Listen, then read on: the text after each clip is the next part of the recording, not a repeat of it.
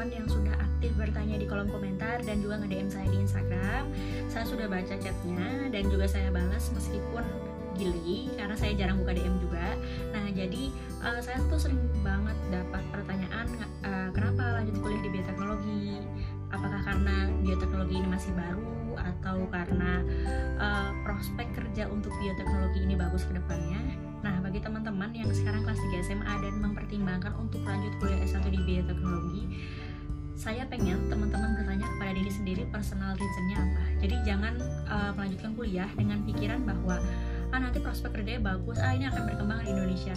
Oke, kalau misalnya teman-teman lihat website kampus, penjelasan di home-nya tentang bioteknologi kurang lebih semua kayak gitu. Bioteknologi ini akan berkembang dalam beberapa tahun ke depan. Memang seperti itu. Tapi personal reasonnya teman-teman apa? Karena kenapa? Selain bioteknologi, energi terbarukan juga akan berkembang kok beberapa tahun ke depan. Artificial intelligence juga akan berkembang beberapa tahun ke depan. Terus apa alasan teman-teman pengen mengambil kuliah S1 bioteknologi? Perlu ada alasan yang jelas. Karena apa? Saya kasih tahu di sini, kuliah bioteknologi S1 itu nggak gampang.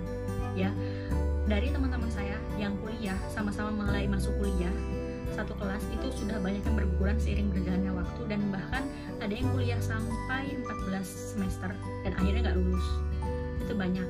Nah jadi kalau misalnya teman-teman nggak punya personal reason alasan kuat yang kenapa harus kuliah di bioteknologi khawatirnya teman-teman nggak akan selesai. Dan kalau misalnya masalahnya nggak selesai uh, kuliah pakai uang sendiri ya it's fine. Tapi kalau misalnya teman-teman kuliah dibiayai sama uh, orang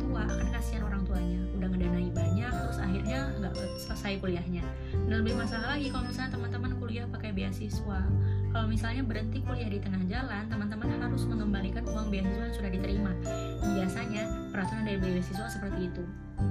Kecuali kalau misalnya teman-teman di DO atau dikeluarkan dari beasiswa tersebut karena IPK-nya nggak mencukupi itu beda lagi. Kecuali kalau misalnya teman-teman memang sengaja mengundurkan diri secara personal nggak karena masalah apa pun eksternal biasanya harus mengembalikan uang beasiswanya.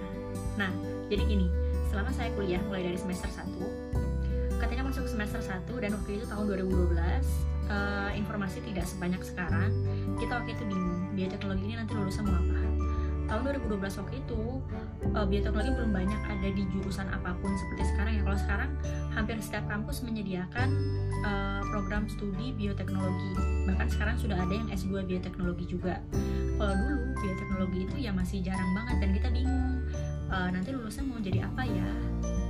Lowongan pekerjaan untuk bioteknologi juga jarang. Kalian jadi peneliti di LIPI kalau misalnya nggak pengen jadi peneliti mau apa? Lanjut S2 S2 bioteknologi lagi. Terus nanti mau jadi apa? Jadi dosen gitu. Nah bagi yang nggak pengen jadi peneliti dan nggak jadi dosen kita bingung mau apa. Nah akhirnya waktu itu uh, kita nanya sama ketua jurusan dan waktu itu ketua jurusan juga menjelaskan tapi kita akhirnya tidak puas karena merasa nggak serak nih dengan jawabannya. Akhirnya di semester 2 banyak yang memutuskan untuk SBMPTN lagi. Kalau teman-teman sekarang masuk kuliah jangan aneh ketika nanti di semester 2 teman-teman yang lain teman-teman sekelasnya akan ada yang pindah kuliah. Karena itu normal. Kenapa? Banyak dari kita yang uh, sekarang udah lulus nih terus udah itu pengen misalnya kuliah di kedokteran. Terus ternyata nggak keterima nih di kedokteran. Ya udahlah kuliah yang lain aja daripada gap year. Akhirnya kuliah yang lain terus nanti di semester 2 akan SBMPTN lagi. Dulu teman-teman saya banyak yang pengen masuk kuliah di kebidanan.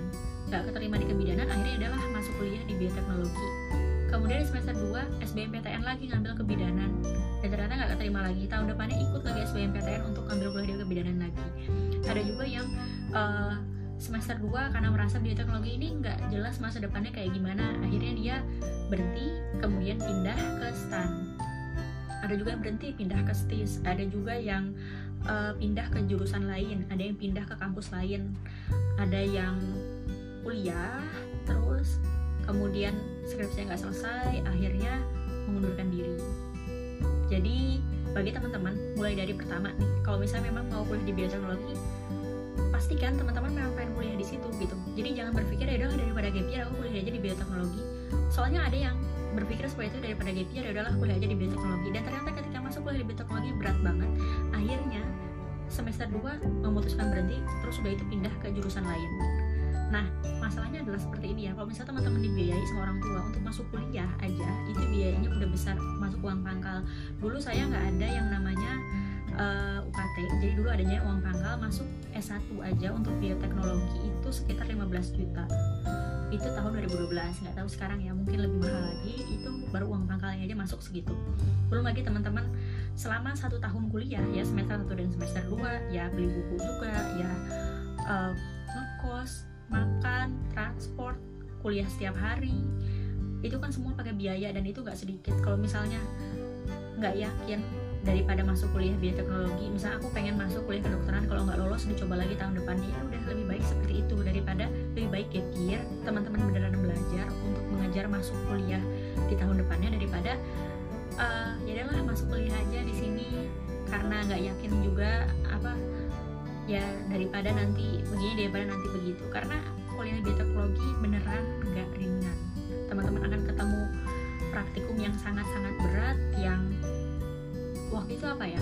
Dulu ketika saya kuliah saya berpikir biotologi nggak akan seperti itu biotologi menarik kok. Tapi seiring berjalannya waktu ketika menjalani praktikum kayak ya ampun gila separah ini ya praktikumnya sampai begadang gini ya sampai nggak itu wajar gitu. Jadi kalau misalnya teman-teman berpikir kuliah biotologi akan santai ke mall tiap hari kayak di FTV gitu no. Kuliah bioteknologi tidak seperti itu. Jadi pastikan teman-teman sudah mempertimbangkan matang-matang kenapa pengen kuliah di bioteknologi harus ada personal reason. Ini biar teman-teman nggak menyesal nantinya dan juga nggak merugikan orang tua juga. Karena setelah saya kuliah sampai lulus 8 semester saya ketemu banyak banget teman-teman yang akhirnya memutuskan drop out memang mengajukan pengunduran diri. Padahal selama kuliah itu pintar IPK-nya bagus gitu. Tapi ketemu skripsi nggak sanggup penelitian.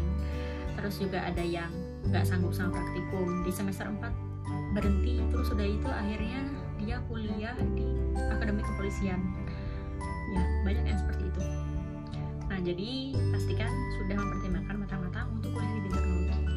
Segitu aja Terima kasih sudah menonton video ini sampai akhir. Kalau teman-teman masih bingung mau lanjut kuliah di mana, sebenarnya aku itu cocoknya kuliah di mana, uh, aku tuh masih mau nanya tapi bingung mau nanya siapa nah teman-teman bisa konsultasi saya membuka free konsultasi satu jam via DM Instagram. Caranya gampang cukup klik subscribe sama follow di akun Instagram.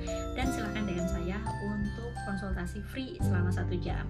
Kenapa sih konsultasi ini penting? Karena dulu saya merasakan saya adalah anak pertama yang kuliah di keluarga dan saya bingung mau nanya sama siapa karena orang tua saya dua-duanya nggak kuliah. Karena saya bingung mau nanya sama siapa nih? Mau nanya sama guru apa mau nanya sama siapa?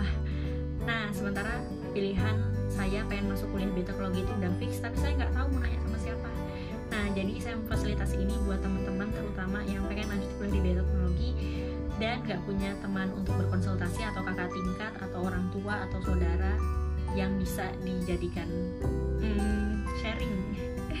Berjadikan tempat sharing dan mendapatkan masukan yang bermanfaat. Segitu aja. Terima kasih sudah menonton video ini sampai akhir.